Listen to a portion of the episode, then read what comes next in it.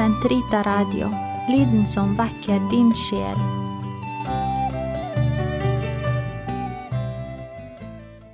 Den katolske kirkes katekisme, uke 37, tirsdag.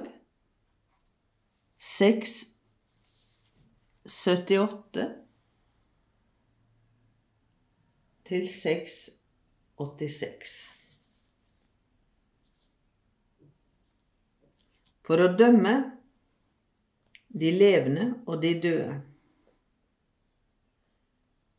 Etter profetene og Johannes døperen varslet Jesus i sin forkynnelse om dommen på den siste dag. Da skal hver enkelts handlemåte og hjertets hemmeligheter komme for en dag. Da skal den skyldige vantro som forkastet Guds nåde, dømmes. Holdningen til nesten vil avsløre om man har tatt imot eller kastet vrak på Guds nåde og kjærlighet.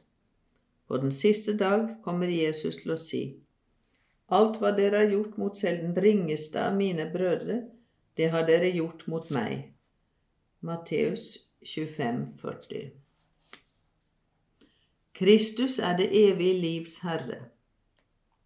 Som verdens gjenløser tilkommer det med full rett ham å felle den endelige dom over menneskenes gjerninger og hjerter. Han har vunnet denne verden ved sitt kors. Derfor har Faderen overlatt sin domsrett til Sønnen. Johannes 5, 22. Men Sønnen er ikke kommet for å dømme, men for å frelse og for å gi det liv som er i ham. Det er ved å si nei til nåden i dette liv at enhver allerede dømmer seg selv, blir lønnet etter sine gjerninger, og til og med kan fordømme seg selv for all evighet ved å si nei til kjærlighetens ånd.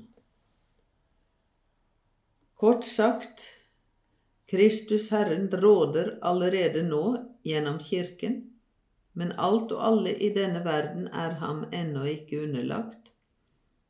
Kristi rike vil triumfere først etter et siste angrep fra ondskapens makter.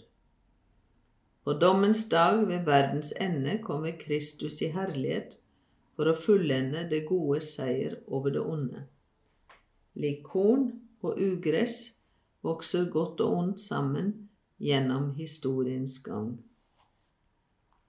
Når den herlighetsfylte Kristus kommer ved tidenes ende for å dømme levende og døde, vil han avsløre hjertenes hemmelige tanker og lønne hvert menneske etter dets gjerninger, og etter om det har sagt ja eller nei til nåden.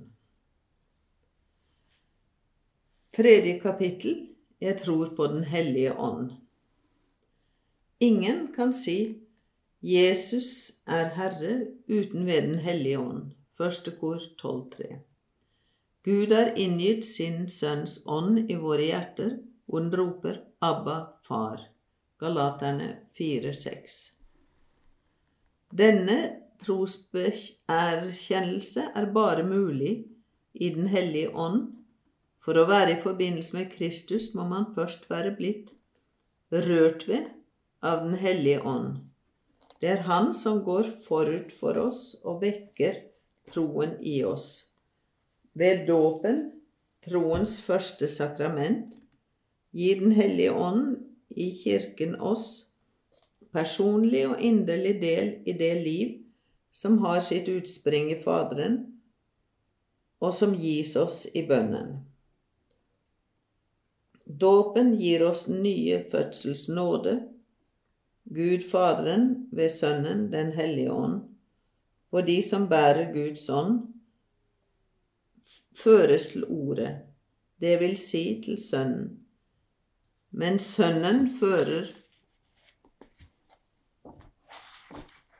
dem frem for Faderen, og Faderen skjenker dem uforgjengelighet. Derfor er det ikke mulig å se Guds sønn uten Ånden, og uten Sønnen kan ingen nærme seg Faderen, for kunnskap om Faderen, det er Sønnen, og kunnskap om Guds sønn erverves ved Den hellige ånd.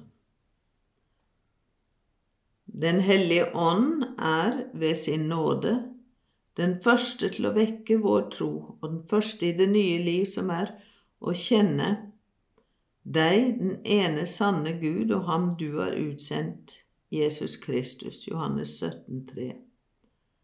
Han er imidlertid den siste av personene i Den hellige treenhet som åpenbares.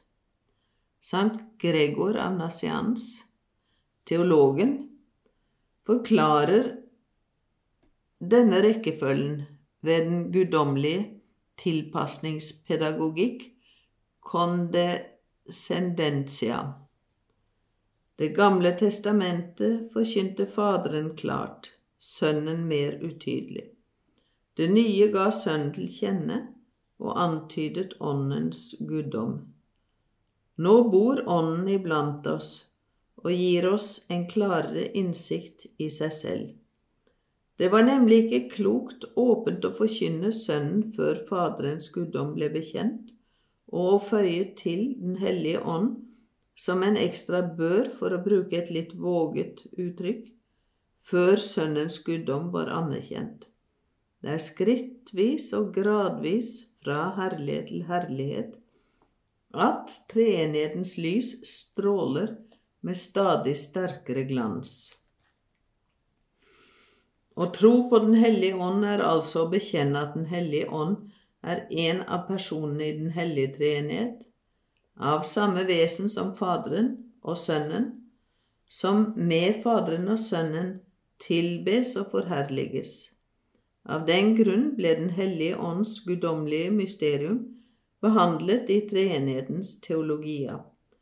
Her vil vi bare ta opp Den hellige ånd innenfor den guddommelige oikonomia. Den hellige ånd virker sammen med Faderen og Sønnen fra begynnelsen til fullendelsen av Guds plan for å frelse oss. Men det er i de siste tider, som innledes ved Sønnens frelsende inkarnasjon, at Han åpenbares og gis, blir kjent og tatt imot som person. Og da kan Guds plan, fullbrakt i Kristus, den førstefødte og hodet for det nye skaperverk, ta skikkelse i menneskeslekten ved Ånden som utgytes. Kirken, de hellige samfunn, syndenes forlatelse, kjødets oppstandelse og det evige liv.